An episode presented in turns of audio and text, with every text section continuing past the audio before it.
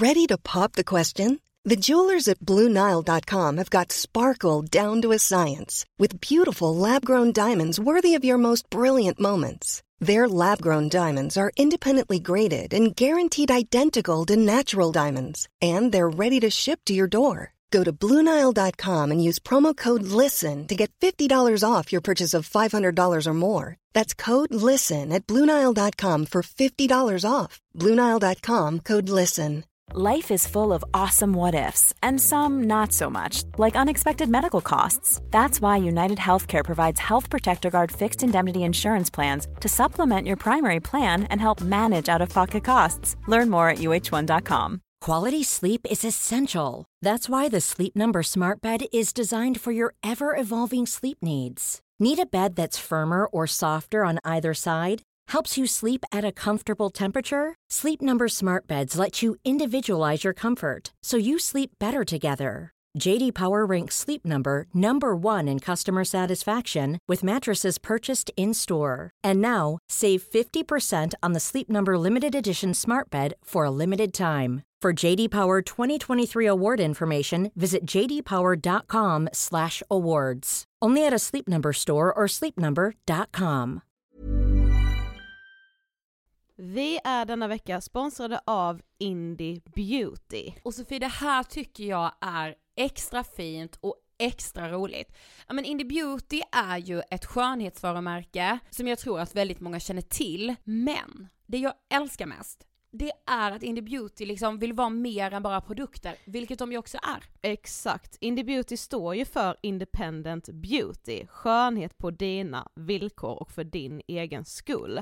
Och Indie Beauty tror ju stenhårt på ett alternativt skönhetsideal fritt från måsten, skam och känslor av otillräcklighet. Där är jag helt med Indie Beauty. Jag med. Det är så jag vill att skönhet ska vara. Ja men verkligen. Och vet du vad som är nytt för i år Sofie? Berätta. Från och med i år så skänker Indie Beauty 1% av sin försäljning till Suicide Zero, Tjejzonen och Djurens Rätt. Så när man handlar produkter från Indie Beauty så kan man liksom känna att man också ger tillbaka till samhället. Ja, kraften i tillsammans. Ska jag säga en sak nu då, Mm. som jag, det, men det är detta jag är extra glad över.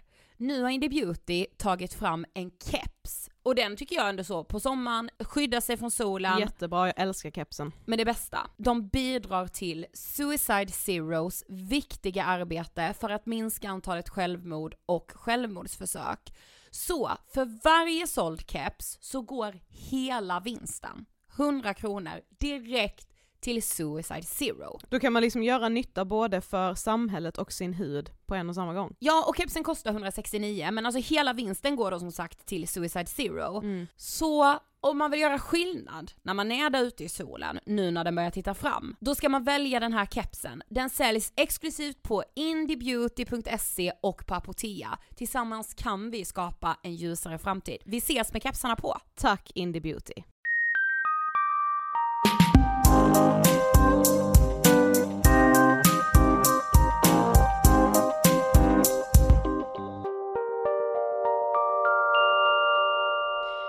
Hej allihopa och hjärtligt välkomna till avsnitt 89 av Ångestpodden! Hej! Jag säger typ alltid så samma, du vet, hej allihopa och hjärtligt- samma, det syns i klippprogrammet ser det likadant ut, de här Ja, nivåerna. det, ja precis, exakt de här våglängderna är exakt Hallå? samma. Avsnitt 89. Mm. Snart 100. för På fan. något sätt längtar jag ändå till du vet så här, tills det är liksom, tills vi bara 280, alltså du vet så här, man bara, vi bara finns. Fast på ett annat sätt känner jag liksom så här att Ångestpodden är fortfarande barnet. Ja. Men efter 100 blir det en tonåring. Fy fan, hur ska vi hantera en tonåring? men f- de säger ju det här, tonårsåren de är svåra, men Ja. vi får uppfostra ångest på den. Ja, det tror jag vi kan göra. Med alla er lyssnare tror Ja. jag det kommer gå hur bra som helst. Gud ja. Ja. Alltså vi ha- har ju kommit på en liten grej. Mm. Vi har ju alltid trott att vi har 300 000 i månaden Lyssnare, ja. som lyssnar. Mm. Eh, tills vi hittar knappen för all statistik. och inser att ni, alltså så här, lyssningar har vi 600 000 i Ja. månaden. Vi har 600 000 startade streams i månaden. Det är ju rätt sjukt.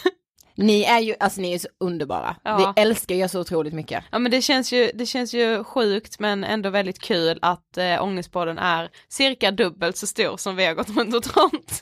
Så det känns som jag vill säga så välkomna alla jag inte visste fanns. ja. Eh, dagens ämne. ja, utmattningsdepression ska vi prata om idag. Ja, utmattningsdepression, utbrändhet. Att gå in i väggen. Det har ju verkligen många namn där. Ja, verkligen. Och vi har ju träffat underbara Isabelle Boltenstam. Alltså jag är så full av inspiration efter att ha träffat henne. Mm. Hon är liksom, hon har sån power den här kvinnan och jag känner bara, jag ser upp till henne verkligen. Mm, verkligen. Och hon, det känns som att, för hon, det, hon kommer ju berätta mer om detta själv, men hon har ju liksom själv varit utbränd. Men alltså det man kan lära sig av att bli utbränd, och som hon ju är väldigt bra på att förmedla, men alltså jag tror man lär sig så extremt mycket av sig själv och det är så viktigt att prata om det här ämnet för det, det ligger fan alla så sjukt nära till hands, Spe- speciellt i vårt så här prestationssamhälle nu, det är så Mm. många som bara vill prestera, prestera, prestera och ha typ så här, ja men orimligt höga mål. Det är liksom inte, det är inte mänskligt att ha så höga mål som vissa faktiskt går runt och har. Nej verkligen inte. Och eh, ja, det känns som en så här, alltså det är ju dumt att prata om så här olika psykiska sjukdomar eller så här psykiska tillstånd och bara det är högaktuellt. Men just när det kommer till utmattningsdepression så känner jag att vi vet så lite och det känns som att inom så närmaste tiden är det så otroligt många som kommer drabbas av Mm. det. Alltså Verkligen. de närmaste åren. Mm. Och vi tycker ju väl att det känns väldigt oroväckande på grund av att vi har fått ganska mycket mail ifrån er lyssnare som är väldigt unga och redan är typ sjukskrivna ifrån skolan.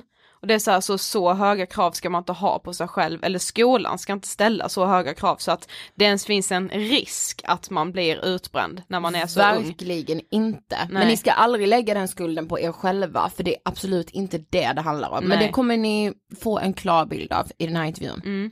Så äh, säger vi som vanligt eller? Ja det gör vi va? Nu rullar vi intervjun med Isabelle Boltenstam. Varsågoda! Hej Isabelle och hjärtligt välkommen till Ångestpodden! Tusen tack! Kul att du är här. Ja. men jättekul att jag fick komma. Ja, Det gör mig väldigt glad. vad kul. Okej, vem är Isabelle? Jag brukar ju börja med att beskriva mig som en klämkäck skåning. Jag vet inte Jag varför men älskar, jag älskar klämkäck. det, ja, jag också. Jag också. Jag har bara fått en, en vibb av att i storstan är det inte riktigt lika eh, välkommet. Eller? Nej men kanske inte. Nej, alltså det det är kanske så är här- så ett begrepp man slänger med. Jag tror det. Och speciellt när det är skånsk och klämkäck. Ja, det, det är mycket i det som... Jag skulle säga det, det är nog liksom så här. Här kommer en skåning som tänker ta plats! Ja men precis. Nej, men jag, jag brukar säga klämkäck skåning för att beskriva min personlighet lite grann. Men det jag gör till vardags är att jag är sportreporter och programledare på Discovery Network Sweden, så det är kanal 5 och på Eurosport. Och till, ja, på fritiden så gör jag YouTube-klipp, humoristiska YouTube-klipp om utmattningssyndrom. Mm. Så brukar göra det. De är ju väldigt klämkäcka också. De är det, eller hur? Ja. Men vad tänker du på när du hör ordet ångest? Ångest för mig har egentligen kommit lite på senare år. När jag växte upp så hade inte jag så mycket ångest. Jag var liksom lyckligt lottad och ja, men hade ett gott självförtroende och trodde väldigt mycket på mig själv. Eh, sen hände ju någonting när jag kom in i arbetslivet. Då kom det en lite jobbig känsla som kallades prestationsångest. Och det är den, när man säger ångest så är det prestationsångest för mig. Och det är det som har stulit så otroligt mycket energi från mig. Alltså jag tycker det är spännande att du säger att du inte hade så mycket ångest, alltså när du var yngre. Mm. För jag kan verkligen känna igen mig i det och relatera till det. För många är det ju så här, ja men det var så himla jobbigt när jag var 12, 13, 14. Då var jag, helt, jag Ja, men- var superlycklig. Samma här. Jättetrevlig tid i Ja, livet. verkligen. Alltså så är det för mig också. Och sen när jag blivit äldre och man bara nu förstår jag allt och då får jag ångest Ja, typ. ja precis. Men det är ju Ja. kul att kunna ge den bilden också. Precis. För många tänker ju, liksom den förutfattade meningen om, om framförallt då unga ambitiösa tjejer Ja. som blir utbrända. Då, då är det alltså, ja men du har ju varit ett vandrande ångestmoln och du har haft så mycket känslor utanpå. Jag bara, nej. Det, det har jag inte alls, Nej. utan det här har ju kommit på senare dagar. Mm. För mig har det en helt annan anledning, även om, ja men vissa kanske har känt så, men jag vill gärna visa liksom att det kan komma senare om man råkar ut för, för vissa eh, ja, men varningssignaler. Mm, exakt.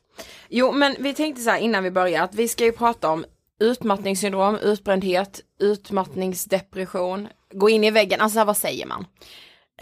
För mig spelar det ingen roll. Eh, för mig kan man säga allting, för jag förstår vad man menar. Jag vet att många tycker att man inte ska säga utbränd, för att det låter lite som ett stearinljus där eh, veken mm. har bränts ner till botten och aldrig kommer komma tillbaka. Ja. Jag ser det inte så, men jag kan fatta varför folk inte vill få riktigt det epitetet om sig själva. För att det känns som att, oh, jag kommer aldrig komma tillbaka. Ja. Men som sagt, ja, jag vet inte, utmattningsdepression är ju det som läkaren säger, men det låter väldigt formellt. Ja, mm. det, ja. Så att jag kommer nog slänga mig med alla termer. Men, man, får, man får liksom välja det. det. som man känner sig ja, trygg med. Då gör vi också det. Men innan vi börjar prata om din utmattningsdepression så känner vi att vi måste liksom ta det lite från början. Alltså hur såg ditt liv ut? Vem var du? Hur såg ditt liv ut innan du blev utbränd?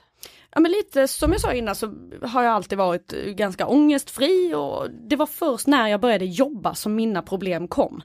För då, eh, ja, jag var 21 år gammal när eh, de ringde från ett tv-bolag och eh, ville plocka mig från skolan. Jag var inte färdigutbildad utan de plockade in mig för att de ville ha med mig i deras sändningar. Och som 21-åring, hur smickrande är inte det att någon vill ha en? Det är wow. väl liksom goals.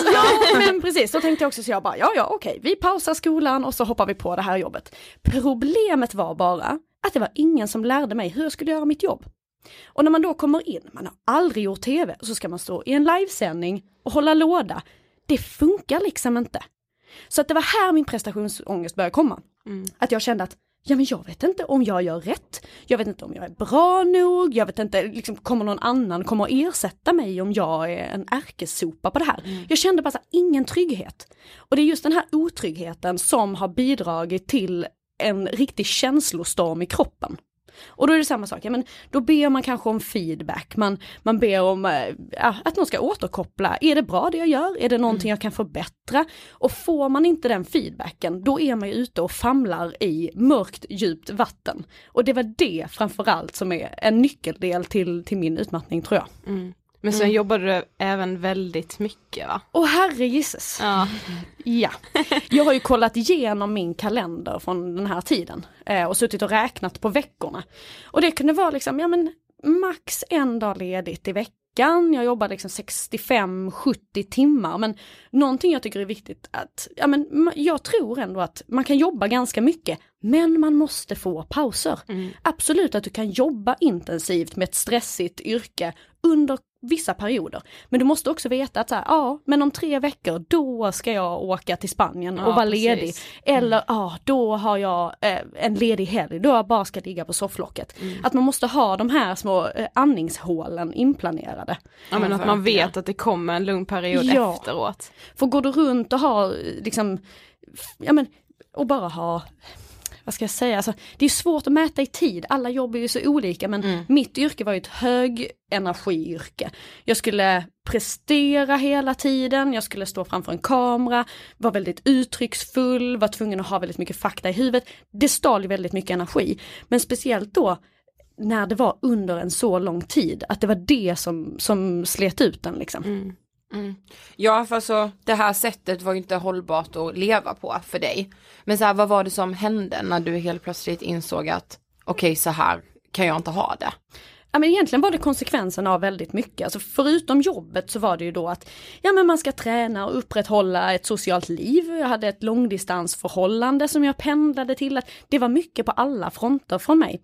Men det som framförallt var eh, anledningen var liksom, jag jobbade för mycket, för intensivt och var för orolig. Och kände att jag hade ingen trygghet i mitt jobb överhuvudtaget. Så att framförallt det. Och jag märkte det, så här, jag skrev ju dagboken under den här tiden. Eh, och det är så intressant att gå tillbaka och läsa för att redan liksom första månaderna på jobbet så förstod ju jag att oron började komma. Men jag ville liksom inte riktigt se det. Jag tänkte så här, ja men detta är bara en övergångsperiod. Det är alltid jobbigt i början på ett nytt arbete eller när man kommer till skolan, det är mycket intryck. Men det lugnade sig aldrig för mig. Jag kände aldrig att jag var tillräckligt bra. Så att det var de känslorna som, som var väldigt avgörande, mm. måste jag säga. Men var det så här någon utlösande händelse som ändå fick dig att säga bara, okej okay, det här går ju liksom inte. Var det så här, trillar man liksom, du vet uttrycket går man, gå, att gå in i väggen, är det Då det man, man gör liksom? Man räknar med att det ska smälla. Liksom. Ja, men precis, ja. och sen ligger man där i en hög. Ja, ja. ja men så kan det vara för vissa. Eh, och det har man ju läst eh, om folk mm. som får en rejäl jäkla panikångestattack och totalbryter ihop. För mig kom det mer smygande. Att, ja men kanske detta var våren 2014 som jag hade jobbat extremt mycket i ett halvår. Det hade varit junior-VM i ishockey, det hade varit OS i Sochi och sen så hade jag eh, gjort kvalserien i Hockeyallsvenskan. Så det hade varit fullt sjå i ett halvår. Och så fort det var slut så bara kände jag, nej men jag har ju varit sjuk. Det senaste halvåret har jag varit sjuk var varannan vecka. Det har varit liksom åtta urinvägsinfektioner på ett år, det har varit förkylningar, det har varit influensor. Jag bara, så här dåligt immunförsvar kan ingen människa ha. För att det, och där kom min första varningsklocka som gjorde att jag sökte läkarvård. För jag bara, ah, okej, okay, nu har jag gått på penicillin liksom till och från i ett halvår. Mm -hmm. Någonting är allvarligt fel. Och då började den här läkaren ta prov efter prov efter prov. Eh, och när man då testar blodet, då räknar man att man ska få hitta någonting, liksom, mm. någon sänka eller någon svacka eller vad som helst. Men de hittar ingenting. Så ett halvår gick jag runt eh, och liksom kände bara att äh, men jag mådde inte bra. Det, ibland blev det bättre, ibland blev det sämre men mitt generella stadie var ganska värdelöst. Men på pappret mådde du ju bra. På pappret, frisk som en nötkärna. Ja. Det var ingenting att klaga på på pappret. Nej. Men problemet är ju att utmattning inte syns i blodet. Så den här läraren, äh, läraren, läkaren var, för, jag vet inte, han kanske var lärare egentligen. Nej men den här läkaren, han tog liksom alla möjliga blodprover och ingenting visades och han satt och bara, jag förstår inte vad det är liksom, jag, jag, jag hör ju att du mår dåligt men på pappret så mår du ju bra. Mm. Han förstod liksom inte att nej, men man måste börja gräva i skallen mm. på en människa som är stressad. För absolut att man får eh, fysiska symptom, men det är framförallt de psykiska som är riktigt luriga. Mm. Men om du skulle beskriva en utmattningsdepression för någon som inte själv har varit drabbad, hur skulle du beskriva den då? Jag skulle säga att det är som att man har helt slut på energi i kroppen. Det finns inte en gnutta av energi kvar. Det är lite som med, jag brukar jämföra det med ett mobilbatteri. Det är som att du har haft igång Spotify samtidigt som du har instagrammat och snapchattat och lyssnat på ljudbok och eh, fibblat med bilder i någon redigeringsprogram. Du har igång alla appar samtidigt och då dör batteriet väldigt fort. Och sen så kanske du stoppar i laddaren när du går och lägger dig på kvällen men sen ska du upp igen och se att nej men jag har ju bara återhämtat mig 5%.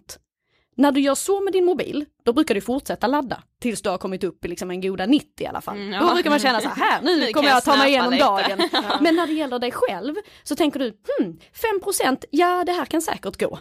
Men ja. det gör det ju inte, för då ligger man och sliter på den här sista reserven. Och till sist så blir det det här som man brukar säga att känslan av att nej men jag kunde inte komma upp ur sängen på morgonen. Och det är precis den känslan som är svår att förklara. För det är, man tänker som, som frisk, tänker man så här, ja men vadå det är ju bara att gå upp. Det är bara att räkna ner för dig själv, 3, 2, 1 och så går jag upp. Mm. Problemet när man är utmattad är att man räknar 3, 2, 1 och sen händer absolut ingenting. För att du har inte en energicell kvar i din kropp. Det är jättesvårt att förklara men ja. med det här mobilbatteriet, jag tror mm. i alla fall att det, ja, det, kan vara... Det känns väldigt målande men det blir ändå så alltså är det så att man ligger i sängen kan man liksom inte ens lyfta armen, alltså är det som att man känner sig förlamad liksom eller är det mer att man bara känner i huvudet att alltså det går inte, jag, jag pallar inte. Alltså mer nästan åt förlamningshållet. Att Ja men det är så obehagligt. Ja, det är, ja men det, det är, det. läskigt att det kan alltså bli man blir som paralyserad. Jag läste ja. en studie här för några veckor sedan eh, där de jämförde utmattning, alltså det här första stadiet, den här orkeslösheten. Där jämför man med att, eh, att människokroppen gör det som typ björnar gör när de går i ide. Att de stänger ner allting för att överleva. Och att det är det den mänskliga kroppen också gör. Jag tyckte den, den liknelsen ja. var så himla målande. Ja.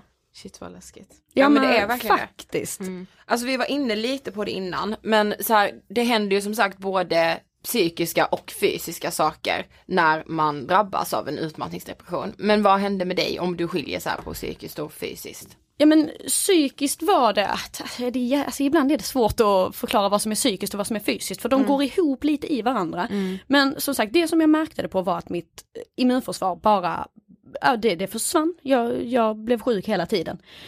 Men det var inte förrän jag upptäckte mina koncentrationsstörningar som jag verkligen tog det på allvar. För att tidigare så hade det varit att Ja men jag hade ändå fungerat som människa. Visst, jag hade varit lättirriterad, jag hade varit ganska känslokall och jag hade prioriterat jobbet framför allt annat. Men när jag satt där på jobbet och skulle, jag kommer ihåg det så himla väl, jag skulle redigera ett reportage. Och jag satt och lyssnade på intervjun. En, två, tre, fyra, fem, sex, sju, åtta gånger. Och jag förstod inte vad människan sa. Att jag satt och tittade och det gick inte in i skallen vad människan sa. Och så tänkte jag så här, ja men om jag bara tittar en gång till så kanske det går in. Vilket, nej men min, återigen, hjärnan stänger ner för att skydda sig själv. Och så här, ja är det ett psykiskt eh, symptom? Det, jag vet inte, Nej, är det ja. fysiskt? Ja men Ja, det, är det går ihop lite grann. Sätt, liksom. ja. Men psykiskt så var det ju då att eh, känslan var ju att man satte kollegor i skiten. För att säga, jaha, ska jag gå och vara sjukskriven? Ja men då måste ju Göran göra dubbelt så mycket som jag gör. Och då blev det också skuldkänslor och det gjorde ju inte saken bättre. Men det var ju också att man tappade självförtroendet. Man tänkte, ja men Göran och Berit, ja men de har ju klarat av det här i 40 år och jag pallar inte ens två och ett halvt år i den här branschen. Men då måste man också påminna sig själv om, okej, Göran och Berit, vad har de haft för förutsättningar? Ja men de har inte gått runt med den här klumpen av prestationsångest för att de har en arbetsvana som är mycket större än vad min är och det är sådana saker man måste räkna in. Men om, om man bara berättar om lite hur hjärnan funkar när man blir utbränd. Eh, för mig var det att jag blev helt känslokall. Min kropp och min hjärna orkade inte processa känslor överhuvudtaget. Och jag kommer ihåg så tydligt att jag skrev ett blogginlägg om, eh, om detta när jag varit utmattad i kanske två månader. Att jag kunde sitta på ett flygplan, liksom mellan Stockholm och Ängelholm. Och så kommer jag ihåg under start och landning att jag tänkte så här, ja om det här planet störtar nu då, det gör inte så mycket. Då har jag levt ett trevligt liv. Men det är inte mer än så. Därför kroppen orkar inte känna någonting. Jag blev liksom som en grönsak. Jag var inte glad, jag var inte ledsen, jag var inte sprallig men jag var inte heller liksom så att jag bara låg och grät. Jag var bara totalt neutral till allting. Ja, Och det är också en hopplös, liksom. men så här i efterhand förstår man ju att det är ju depressionsstadiet av det här. Ja. Jag levde med en naiv tanke om att ja men när man är deprimerad, ja men då, då vill man dö, man tycker att allt är hopplöst och nej, en depression kan också vara total känslokallhet. Mm. Och det var det jag fick uppleva. Men nu har jag bara svarat på de psykiska. Ja. Har vi tid för de fysiska Ja, också? Eh, ja men som sagt, dåligt immunförsvar. Sen så fick jag stressutslag över hela ryggen. Små knottror över hela ryggen. Eh, och jag blev ljudkänslig. Om jag satt på ett fik och skulle prata med någon, så tyckte jag liksom, "Ja, men s- ni måste sänka den här musiken för jag hör inte vad jag själv tänker. Och jag kunde inte titta på tv just för koncentrationsstörningarna och att det var mycket ljud. Det var återigen för mycket för hjärnan att processa. Och det är då den går in i det här lite björnen går i ide stadiet. För att den ska skydda sig själv. Och det var, det var så min utmattning kom smygandes liksom. Men du blev ju i alla fall till slut sjukskriven. Tack och lov för det kanske. Verkligen. Men, men vad hände då liksom, hur gick det till? Ja men jag gick ju till den här läkaren med mina eh, symptom och han hittade ingenting. Eh, och då fick jag tips av en vän som några månader tidigare hade blivit utbränd och hon sa det, alltså hon höjde varningsflaggen för mig och sa att oj oj, här kan det vara precis samma historia för dig. Och så sa hon, om din läkare inte verkar titta på liksom, psykiska men överhuvudtaget, byt läkare. Så jag gjorde det, så jag gick till en, en eh, annan läkare på den här vårdcentralen. Och första gången jag kom dit så satte hon sig och frågade frågor som den första läkaren inte hade gjort. Hon frågade liksom, hur ser din vardag ut? Stressar du mycket?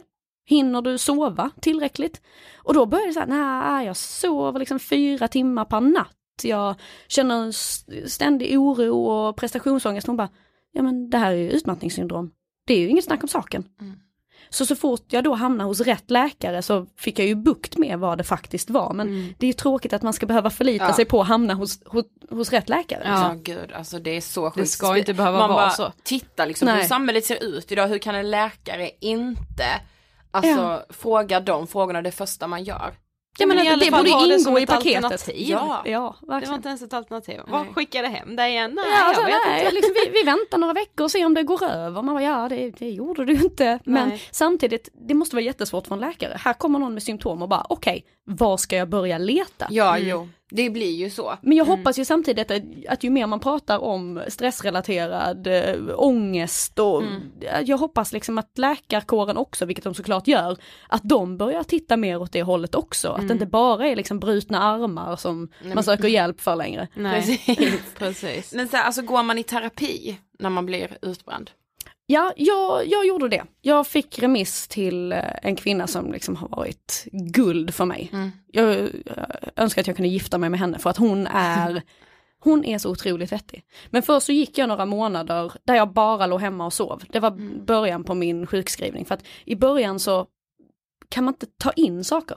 Jag behövde bara vila för att komma tillbaka till liksom en normal människonivå. Och sen fick jag gå till, eh, till den här kvinnan och sitta och prata och det har ju, är det någonting som har hjälpt förutom sömn så är det det. Men du skrev ett blogginlägg som du nämnde eh, i början på din sjukskrivning där eh, med rubriken att älska sitt jobb för mycket. Mm. Kan du utveckla det lite? Ja, alltså när man tycker att någonting är svinkul så vill man inte bli av med det.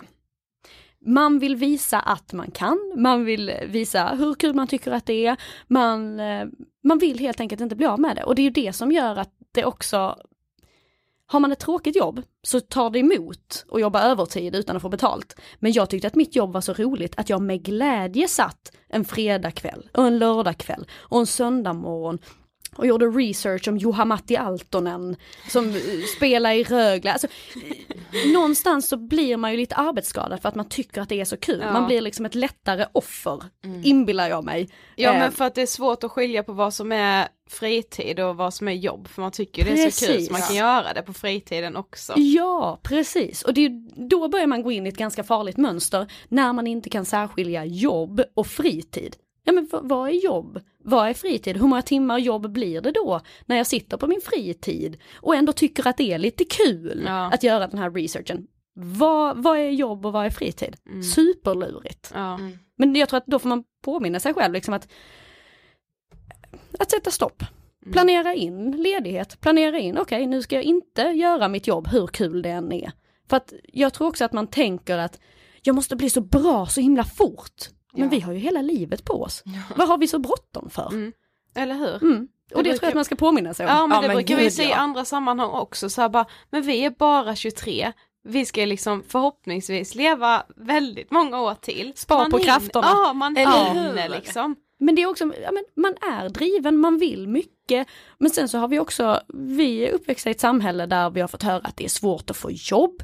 Man ska vara tacksam så fort man väl har fått ett jobb och man ska hålla stenhårt i det. För det står många andra på kö efteråt. Det är klart att redan från början har man ju förutsättningar som säger att du måste verkligen lägga ner din själ i det här. Ja man Ja. hör hela tiden så här, det är så hård konkurrens Ja, och det är då. liksom så här, man har en chans liksom. ja men Och verkligen. hur konstigt är det att man har prestationsångest när man får höra du har en chans. man bara, "Ah, okej. eh." Ja, ja men vi tänkte komma in lite på prestationsångesten. Alltså hur har du den med det? För du sa ju att du när du var yngre var ganska ångestfri och inte så mycket.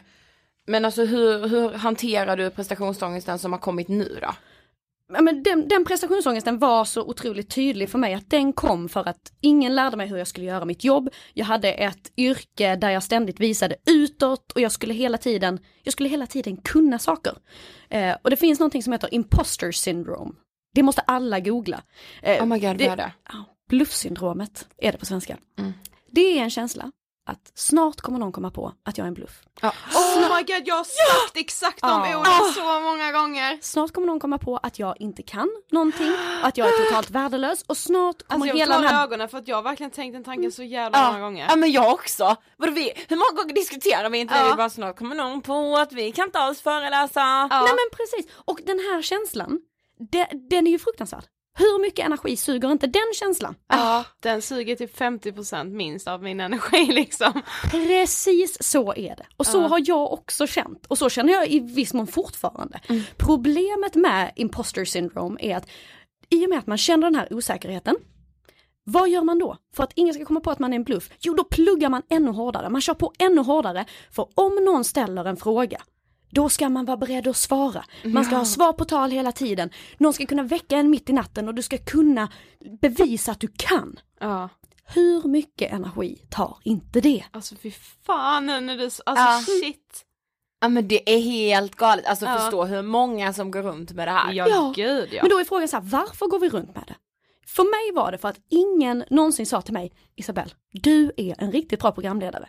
Jag hade, alltså, även om, även om det hade funnits saker som, som det såklart gör, som jag behöver jobba på, så hade jag behövt göra, Isabelle, du är bra på ditt jobb. Det här och det här, det gör du superbra.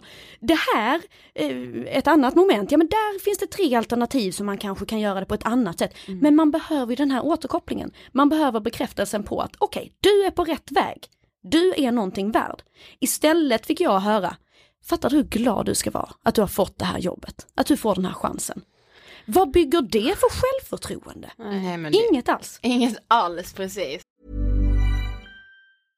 Hiring for your small business? If you're not looking for professionals on LinkedIn, you're looking in the wrong place. That's like looking for your car keys in a fish tank.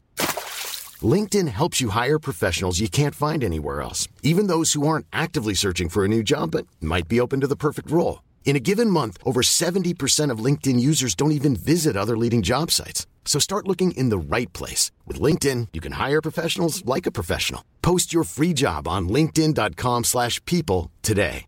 A lot can happen in three years, like a chatbot may be your new best friend. But what won't change? Needing health insurance. United Healthcare Tri Term Medical Plans, underwritten by Golden Rule Insurance Company, offer flexible, budget friendly coverage that lasts nearly three years in some states. Learn more at uh1.com. Wow. Nice. What you're hearing are the sounds of people everywhere putting on Bombas socks, underwear, and t-shirts made from absurdly soft materials that feel like plush clouds. Yeah, that plush. And the best part? For every item you purchase, Bombas donates another to someone facing homelessness. Bombas. Big comfort for everyone. Go to bombas.com slash ACAST and use code ACAST for 20% off your first purchase. That's bombas.com slash ACAST. Code ACAST. Och detta är någonting som jag pratar om hela tiden. Man måste få feedback. Man måste veta riktlinjerna i sitt arbete. Och liksom, ja, men har du en fritidssyssla, ja, men säg att du spelar fotboll. Ja men du måste ju veta vad som förväntas av dig. Vill du ha fler spelminuter på en match? Ja men okej, hej tränaren, vad behöver jag göra för att ta nästa kliv? Det behöver man veta i olika eh, liksom, moment i livet. Det måste vi börja ta reda på och, och återigen kräva den här feedbacken. Det tycker jag är viktigt. Så viktigt. Ja. Men har du så här, kan du ge typ tre konkreta tips för att lindra prestationsångest? För vi har ju sett en YouTube-video med dig som vi älskar, som är så himla klockren. Ja, Men vi tänkte att du får välja ut tre tips. tre av de tio som jag Ja, gjorde där. Jo men precis. jag tycker, någonting som jag har känt har varit viktigt, att feedbacka sig själv. För att eh, ofta så är det att man, när man har gjort någonting så känner man, åh, man är så himla självkritisk. Ja men det här gjorde jag dåligt, det här, åh, här var jag värdelös. Men när man börjar plita ner på ett papper, vad var bra, vad var dåligt? Då börjar man se att, nej men jag gjorde riktigt mycket som faktiskt var bra också. När man bara skriver ner på ett papper så benar man ut saker för sig själv. Och sen så brukar jag ha en favoritkolumn där jag skriver liksom tre sätt som jag kan ge mig själv bättre förutsättningar.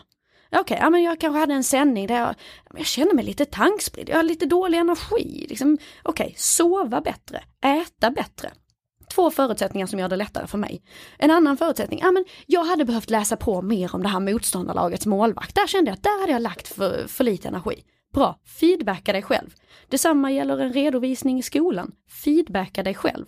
För ofta glömmer man bort att tänka vad man själv tycker är bra. Man tänker så här, jaha, tyckte, att, tyckte mina klasskompisar att det här eh, dög? Tyckte läraren att det var bra nog? Tyckte mormor att det var bra nog? Man bryr sig om alla andra förutom sig själv. Och ibland måste man bara känna efter att så här, jag tyckte, jag tyckte att det här skämtet jag drog där, det var riktigt bra. Och så får man klappa sig själv på axeln Ja. lite grann. Ja. Så första tipset är att feedbacka sig själv. Eh, Det andra tipset är ganska snarlikt. Det är att bara ta feedback från ett fåtal människor. Återigen, man, liksom, man tar ut alla tentakler och känner av vad alla tycker och tänker. Det är inte viktigt. Att när jag jobbar till exempel, då vill jag ha feedback från min chef, min producent och så har jag två vänner som jobbar i branschen som jag vet att de vill mig väl, de kan mitt yrke och vet liksom hur det ska se ut och de är schyssta mot mig. De säger inte saker bara för att vara elaka, som gubbar på Twitter kan göra. att så här, man måste börja välja vem man tar feedback ifrån. ifrån. om en främling går in på din Instagram och liksom kritiserar ditt utseende, så får man säga, okej, okay, är det viktigt vad den här främlingen tycker om mitt utseende? Absolut inte, då sållar vi bort det. Mm. Och det är ju jättesvårt såklart att göra det, men jag tror att börjar man tänka i de banorna så blir det i alla fall lättare. Ja, mm, det, tror det tror jag också. Och ett tredje tips, eh, då skulle jag säga fira allt. Åh, jag älskar det! Ja, men visst är det mysigt? Ja! För ofta är vi så här, ja men nej, det ska bara firas när det är något riktigt stort. Ja. Man ska bara fira när man har fått ett visst jobb eller när man har fått en befordran eller när man har eh, vunnit någonting. Mm. När man börjar fira de små vinsterna, tycker jag är himla härligt. Ja. Känner du att det är så himla jobbigt att redovisa inför klassen och så gör du den då, ja men fira det, fira att du vågade.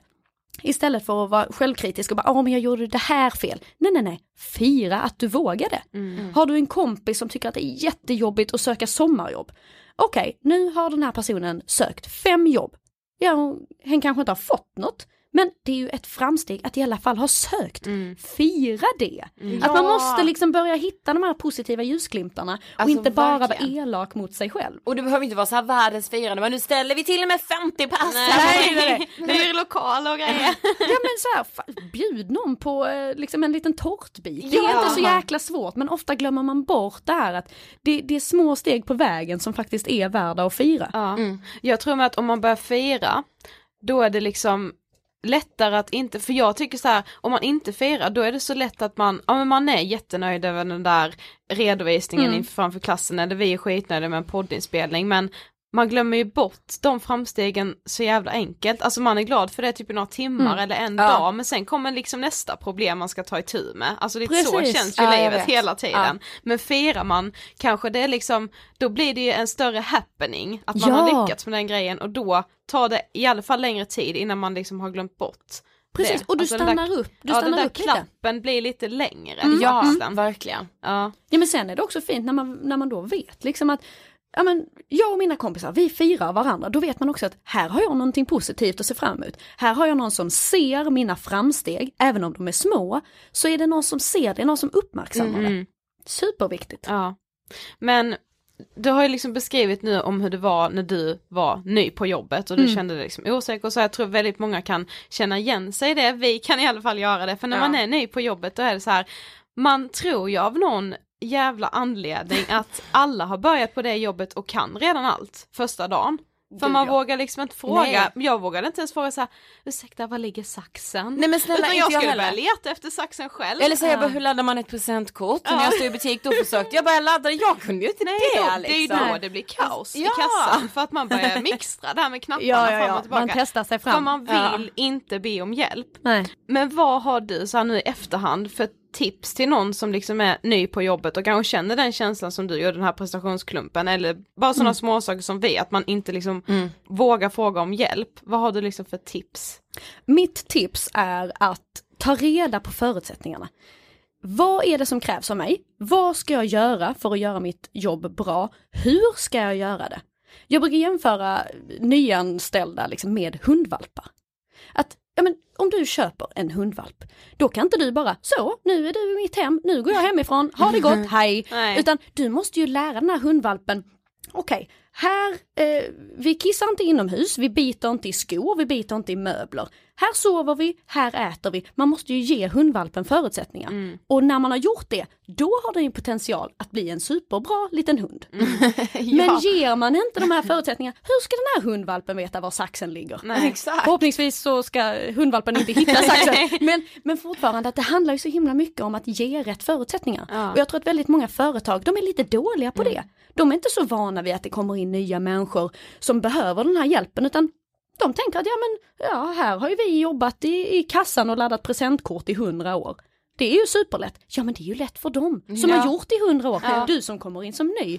Ja, det är inte så jäkla lätt om man aldrig har fått det förklarat för sig. Nej. Så att om det här företaget man börjar hos, om de inte ger den här ganska grundläggande kursen i vad som förväntas och hur man ska göra sitt arbete, då måste man kräva det. Mm. Då måste man säga så här, hm, hej, vet du vad, nu känner jag mig jätteosäker här för att ingen har riktigt sagt till mig hur jag ska göra. Kan inte du sätta dig med mig i tio minuter och förklara det för mig? Mm. Mm. Att man måste för sig själv våga stå upp och, och, faktiskt be om det. Och det är inte konstigt. Nej. Men man inbillar ju sig själv att åh, nu kommer de tycka att jag är tjatig. Ja precis. Det gör de inte. De Nej. kommer bara bli superglada att du gör ditt jobb och tar det seriöst. Ja men Ja. precis, det är ju att ta sitt ansvar. Det är Ja ju precis, och jag minns ju själv att jag har så här beundrat andra som vågar be om hjälp, man bara varför Ja. gjorde jag inte Ja. bara det? Nej men jag älskar ju människor som gör det, som säger Ja. bara, hallå var, var ligger det och hur gör man det? Ja. Som är, så här, frågar om allt, Ja, man bara, jag älskar tiden. dig tänker Ja. jag. Om Och så har man människor. själv suttit och ägnat fyra månader Ja. åt att liksom klura ut det här med presentkort. Man bara, Ja. hade någon bara sagt det så hade det tagit tio minuter. Ja, Då hade jag sparat så mycket tid och energi på det här.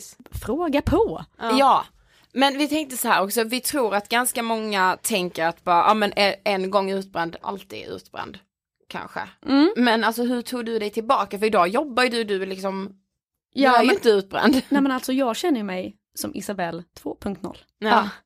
Och det är en sån himla befrielse för att jag hörde ju också det här att ja men har man blivit utmattad, ja men då kommer man vara stresskänslig hela livet och man kommer ha så lätt att falla tillbaka och, och så kanske det är. Men samtidigt så har den här utmattningen gjort att helt plötsligt har jag börjat reflektera över saker. Helt plötsligt så är jag den i min omkrets som vet mest om utmattning. Jag är den som vet mest om stress. Det är jag som ser symptom hos alla andra och kan hjälpa dem. Det är ju en superegenskap. Absolut, jag kanske är mer stresskänslig, men nu har jag lärt mig känna av symptomen att okej, när jag stressar för mycket, då börjar min hals rossla. Okej, då vet jag att när min hals börjar rossla, då ger jag mig själv då ger jag mig själv liksom en timme på, på sofflocket. Och det som är viktigt är att inte skuldbelägga sig själv. Det, alltså jag kan inte säga det många gånger nog. För att det är så vanligt med folk som blir utmattade att de säger "Ah, Ja men jag är ju så dålig på att säga nej. Och det är ju, jag blir utbränd för att eh, jag är en högpresterande kvinna. Man bara det är faktorer som har gjort att du lättare har blivit utmattad för att du har varit så otroligt mån om till exempel ett jobb. Men det är inte det som är anledningen. Det finns anledningar till varför folk inte säger nej. Vad är det för anledning som gör att folk inte säger nej? Kan det vara just den här osäkerheten?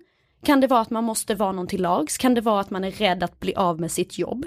För det är klart, är du rädd att bli av med ditt jobb, det är inte det att du sätter dig på tvären Nej. så fort du känner så här, åh nu har jag ganska mycket men nej för då känner man så här, nej men nu måste jag, nu måste jag prestera ännu bättre. Och det, det finns liksom anledningar till att folk inte säger nej och det måste man börja rota i. Det är därför det är ganska bra att gå i terapi för att då har man någon som ställer de här motfrågorna till en. För återigen, inte skuldbelägga sig själv tycker jag är en sån himla nyckel. Ja, gud det känns så himla viktigt. Ja. Alltså det känns ju viktigt i livet med allt man gör. Men jag tror det är ju så himla lätt i de här sammanhangen när det kommer till jobb och när det kommer, alltså så här, att skuldbelägga sig själv. Ja. Men vi gör ju det hela tiden. Ja. Alltså, ja, men, titta bara på, jag kommer ihåg här, när man eh, gick i skolan, var i skolbespisningen och någon tappade en, en bricka med ett glas som gick i kras. Ja men då applåderade folk i tre sekunder och skrattade och sen var det inte mer med det. Men personen som själv tappade brickan kände ju, herregud, jag är värdelös, jag är sämst, hur kan man vara så jäkla dålig som jag är? Du vet, man är ju alltid sin värsta kritiker. Ja. Precis. Alltså man tappar ju den här brickan om och om och om Ja. igen i huvudet. Ja men också, för andra spelar det ju ingen roll. Nej. Men ofta är man så jäkla elak mot sig själv och det är det här vi måste börja vara lite snällare mot varandra och oss själva. Mm. Men om man liksom bortser från så här jobbet och så, om man liksom tänker mer på de som lyssnar på vår podd och liksom fortfarande går i skolan.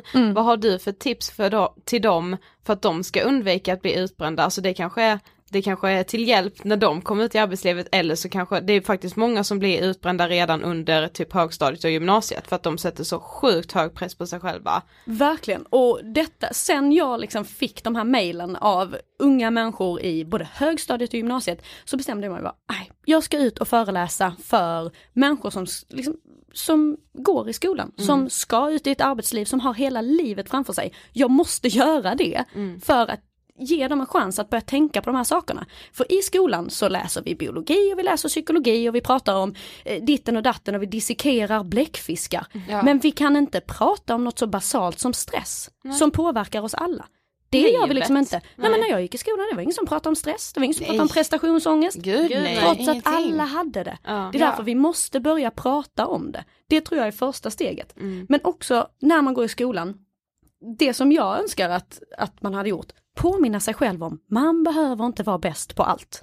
För när man, när jag i alla fall gick i skolan så var det så vanligt att man kände så här, nej men jag måste ha MVG på alla prov, jag måste ha bästa betyg. Eh, även om man inte visste vad man skulle ha de här betygen till så Jaha. visste man ju att jag ska ha bästa betyg. Precis. Ja. Men där tycker jag, mitt tips är börja prioritera. Okej, jag tycker att matte, engelska, svenska och idrott är superviktigt. Då lägger jag lite mer krut där. Hemkunskap, nja, där har jag varken intresse eller en framtid. Ja men då kanske jag, då kanske jag pluggar så att jag kan grunderna, men jag behöver liksom inte eh, naila MVG-frågorna varje gång i just det ämnet. Och liksom med det här sagt så ska man ju inte totalskita i någonting såklart. Men bara vara lite schysst mot sig själv. Att okej, spelar verkligen det här jättestor roll? Vad jag får på provet om Koreakriget? Ja, det kommer liksom inte göra någonting för din framtid. Så är det bara. Men det är ju så orimligt egentligen när man tänker på det att så här, ja men okej jag vill ha MVG matte, spanska, engelska, biologi, eh, samhällskunskap. Man bara, när jag liksom, hade jag liksom kunnat säga någonting till 15-åriga Ida så är det så här, det spelar ingen Nej. roll, du Nej. behöver inte plugga till fyra på natten liksom. Nej, Det är helt okej.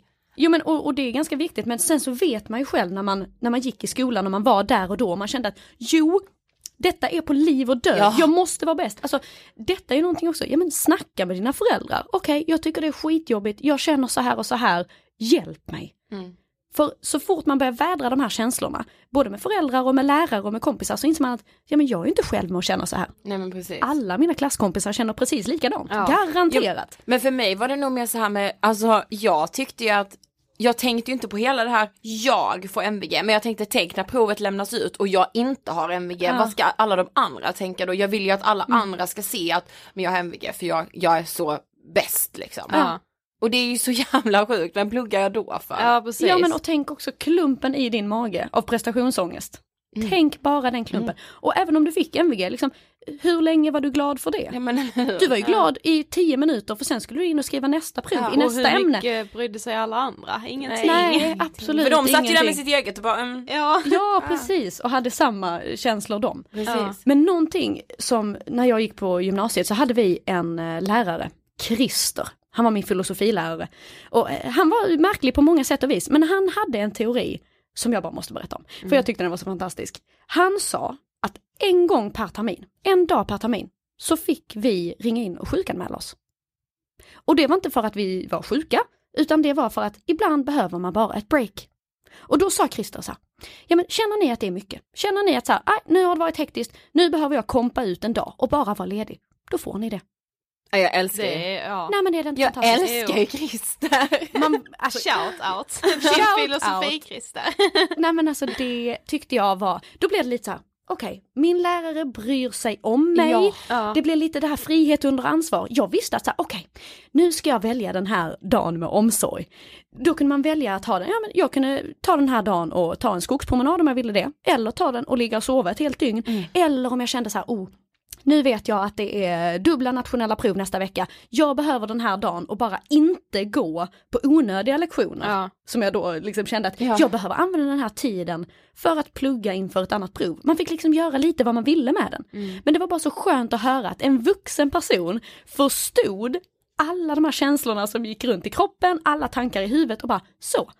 Ni får välja själva vilken dag, ring bara in och säg hej Christer, nu är det den här dagen där det är lite väl mycket jag stannar hemma. Det tycker jag att alla borde Ja, men, anamma. ja, det är ju helt fantastiskt. Vadå för det, Ja. bara den lilla saken öppnar ju upp för mer kunskap för då fattar man att okej det är alltså möjligt att det blir för mycket. Ja. Och det, så är det för alla liksom. Verkligen. Man får en helt annan inställning. Ja, men jag, jag tycker det är liksom så bra. stress. Ja, Ja, och så här, detta bär jag med mig. Men va- varför kan inte alla företag ha det här? Ja, det borde ju det ju en vara. gång, ja men jag tänker så här, ja men okej, en gång i halvåret, en dag. Det, det kan inte kosta så mycket för företag. Nej. det kan det Nej, inte alltså, göra. man vet ju själv vad man gör på en dag, så jäkla stor skillnad gör det liksom inte. Nej, du räddar inte världen på en dag. Nej, Precis. det är ju så.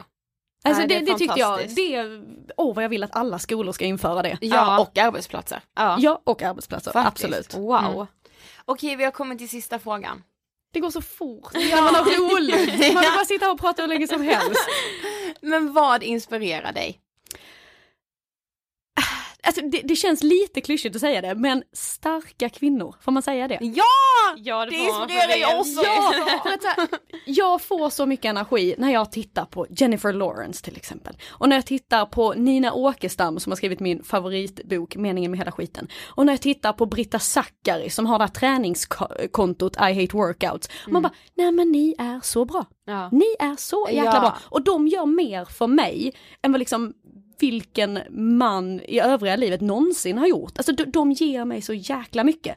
Så det säger jag, starka kvinnor, det är min inspiration. Bra. Älskar! Skitbra slut. Tack så jättemycket för att du vill gästa Ångestpodden. Tusen tack för att jag fick komma. Hoppas verkligen att eh, många tar till sig av de här tipsen och eh, mår bättre. Ja men eh, man Jag kan helt- även kolla in din YouTube-kanal, där finns ju lite fler tips. Det får man med glädje göra. Vad youtubar man? Alltså jag, jag gjorde det här kontot när jag var typ 15 år gammal, så jag tror att jag döpte det till Issa Baby Bell. Som Men så här det gillar jag. baby, ja, men Ja. Baby Bell-osten. Jag vet inte, jag tror att bara man googlar Isabelle Boltenstern så kommer YouTube upp. Ja. Och där finns ju de här utbrändhetsklippen och eh, prestationsångestklippen och andra roligare klipp. Ja. Ja, de är men så- skitbra. De är så himla bra, så Ja, de vill jag tack. verkligen tipsa om. Tack, vad kul att höra. Ja, erkänn lärorikt. Men alltså jag är verkligen så här, jag kan inte säga att jag själv är i någon riskzon, absolut inte. För det skulle förminska hela det här, men jag kommer leta efter de här varningssignalerna hos mig själv. Ja. Och vissa saker lär jag mig verkligen att jag måste tänka på. Mm. Speciellt när vi pratade om det här, gud det är så svårt att skilja på vad det är jobb, vad det är vardag. Alltså när man har, som vi har gjort, skapat sitt egna jobb. Mm. Det är klart att man tycker det är det roligaste som finns i livet. Mm. Men man måste verkligen så här bara, idag så har jag ingenting med det att göra. Nej. Jag jobbar ingenting idag, Nej. hur roligt det än är. Mm. Nej men idag är jag bara med mig själv, eller idag gör jag sånt som jag annars inte skulle hinna göra. Ja, Ja men jag, vadå, jag fick verkligen panik typ, eller så här, jag fick verkligen tårar i ögonen när Isabelle sa det här med att Ja men när ska någon komma på mig? Alltså, Alltså. exakt de orden vet jag ju att jag har sagt till så många av mina vänner, alltså det är den här känslan jag går runt och bär på hela tiden. När ska någon komma på mig? att det liksom är så ett myntat och så att det finns. Ja. Det visste inte jag när jag Ingen sa det liksom. Ingen det är så Vad heter det på läskigt. svenska? Bluffsyndromet? Ja, bluffsyndrom. Ja. Ja det jag ska hem och googla. Alltså jag eh, tror att det är så, så, så vanligt. Och att det börjar redan så här typ i ganska låg ålder. Mm.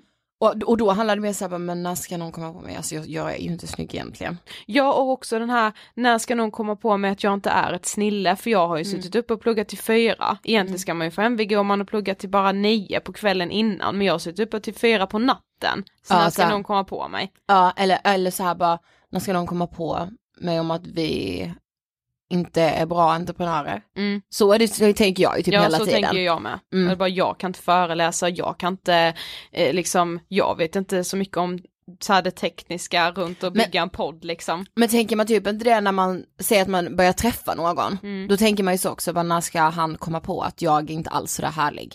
Jag är inte Ja. härlig, jag är inte snygg. Nej precis.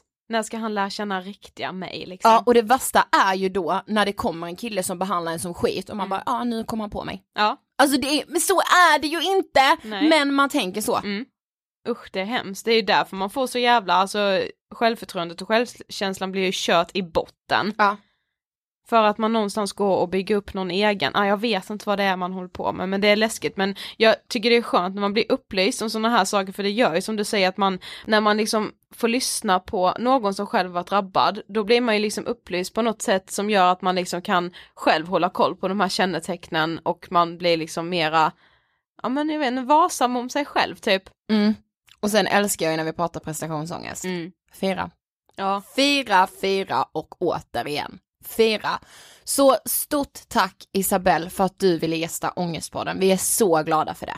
Mm. Veckans hiss då? Ja, du kan börja. Eh, på tal om så ämnet, jag känner vi Båda båda, har- är lite så ämnesbundna idag, men Ja. jag skulle vilja hissa en bok som är skriven av eh, Nina Åkestam som heter Meningen med hela skiten.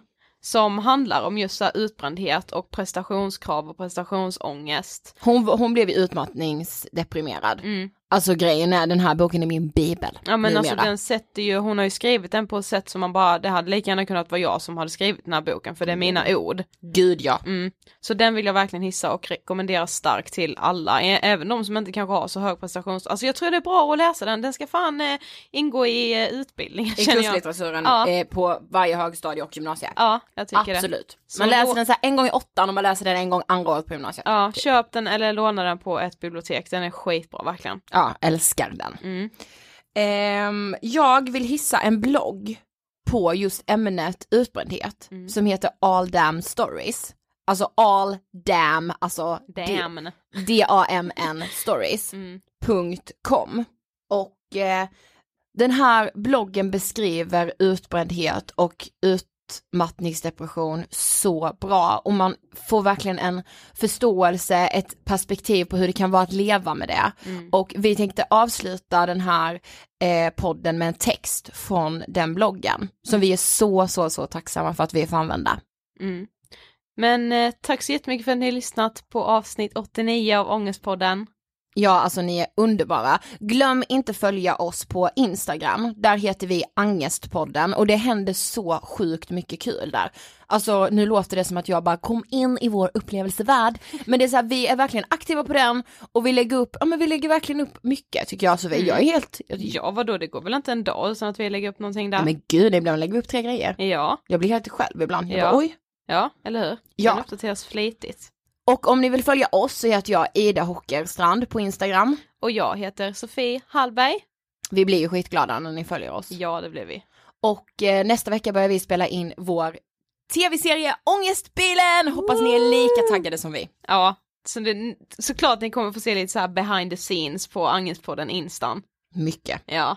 Eh, vi kan väl även avslöja att nästa vecka Nej men eh, vi kommer skaka, ni kommer bli så omskakade. Jag var, jag har varit ett vrak. Efter jag, efter jag poddade de här avsnitten som ni kommer få ta del av. Jag har ändrat hela min livsuppfattning. Det har jag. Ja fast jag tänker ändå, fan har vi verkligen det? Men jag försö- ibland försöker jag ju tänka tillbaka på det här mötet som vi hade med den personen som vi poddade med då för att jag ska skärpa till mig. Exakt det jag menar. Jag har ändrat uppfattningen om hur jag borde Ja. förhålla mig och leva. Precis. Men det är svårare än vad jag trodde. Ja, man förhåller sig inte till det hela tiden men man Men- blir påmind om att man måste. Och de här tipsen, Mm. de ger oss, vågar vi säga ett bättre liv? Ja, kanske. Så missa inte nästa vecka. Ha det bäst! Hej då!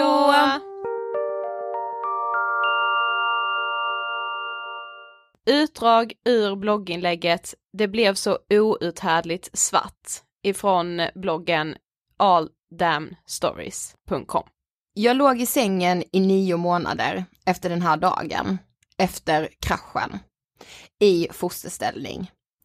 Nio månader av gråt, skrik i panik i kudden, total utmattning, en hjärna som inte kunde prata och tänka, ångestrusningar jag inte ens visste var möjliga.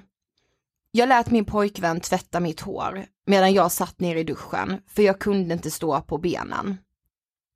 Jag kunde knappt borsta tänderna och vissa dagar kröp jag från sängen till toaletten för att jag var så rädd att ramla ihop om jag ställde mig upp. Den där dagen i december var jag 27 år. Jag var högpresterande, en lovande talang i en global koncern. Jag hade förlorat min mamma i cancer två år tidigare och jag var väldigt, väldigt olycklig. Även om jag dolde det för mig själv och för alla i min omgivning. Jag använde mig av adrenalinkickar och prestation för att dölja mina riktiga känslor och för att slippa känna utmattningen och depressionen som legat där i bakgrunden sedan många år tillbaka. Resan därifrån har varit lång, snårig, gått både framåt och bakåt och ingenting, absolut ingenting, tar jag längre för givet. Men jag har förändrat mitt liv och hela mig själv. Jag är så långt ifrån den där stressade, karriärsinriktade tjejen som bara bryr sig om prestation längre. Nu är jag grundad, trygg i mig själv, harmonisk med det som finns i mitt liv och är allt annat än prestationsinriktad. Jag lever inte längre effektivt, jag lever närvarande och kärleksfullt. Så detta är min berättelse om den där dagen när jag gick in i väggen. Så här kan det gå till. Och såklart på en miljon andra sätt. Alla har sin resa. Och framförallt, så här kan det gå när man stressar, lever effektivt i allt man gör, pressar in aktiviteter i livet, undviker det jobbiga inombords, lever med ångest eller depression, struntar i sig själv, tänker att allt är en tävling, skjuter all vila till senare och inte lever i kontakt med sin kropp och sina känslor. Om man lever i huvudet utan att närvara i helheten, det kan gå så jävla illa.